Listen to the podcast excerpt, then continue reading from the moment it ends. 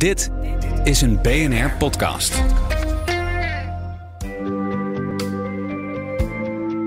Wetenschap in het kort met Carlijn Meinders. Een van de kleinste vissen ter wereld blijkt een geluid te kunnen produceren zo hard als een geweerschot.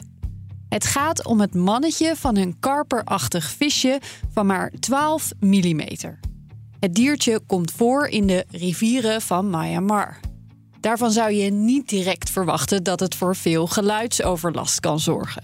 Maar het dier kan boven de 140 decibel uitkomen. Vergelijkbaar met de sirene van een ambulance of een drillboor. Veel vissen gebruiken hun zwemblaas om geluid te maken. Dat is een met gas gevuld orgaan dat ze laten vibreren door speciale drumspieren samen te trekken, wat een trommelgeluid veroorzaakt. Dit visje, de Danionella cerebrum, met het kleinste brein van alle gewervelde dieren, pakt het anders aan. Het diertje heeft een unieke structuur waarmee het geluid maakt, onder andere bestaande uit speciaal kraakbeen, een rib en spiertjes met extreem veel uithoudingsvermogen. Om het snelle en harde pulserende geluid te maken, plaatst de vis de rib met een speciale spier in een stukje kraakbeen. Als de rib wordt losgelaten, schiet het tegen de zwemblaas en maakt het een trommelgeluid. In mannetjes is de rib harder en daardoor is het geluid dat ze maken dat ook. En dat klinkt dan ongeveer zo.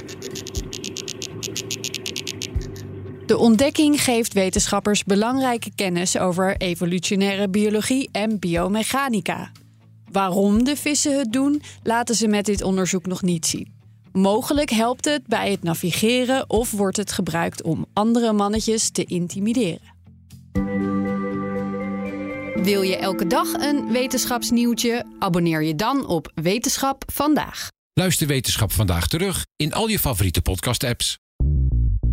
Bij BNR ben je altijd als eerste op de hoogte van het laatste nieuws. Luister dagelijks live via internet. Bas van Werven. En heel langzaam komt de zon op rond dit tijdstip. Je krijgt inzicht in de dag die komt op BNR, het Binnenhof in Nederland en de rest van de wereld. De Ochtendspits. Voor de beste start van je werkdag. Blijf scherp en mis niets.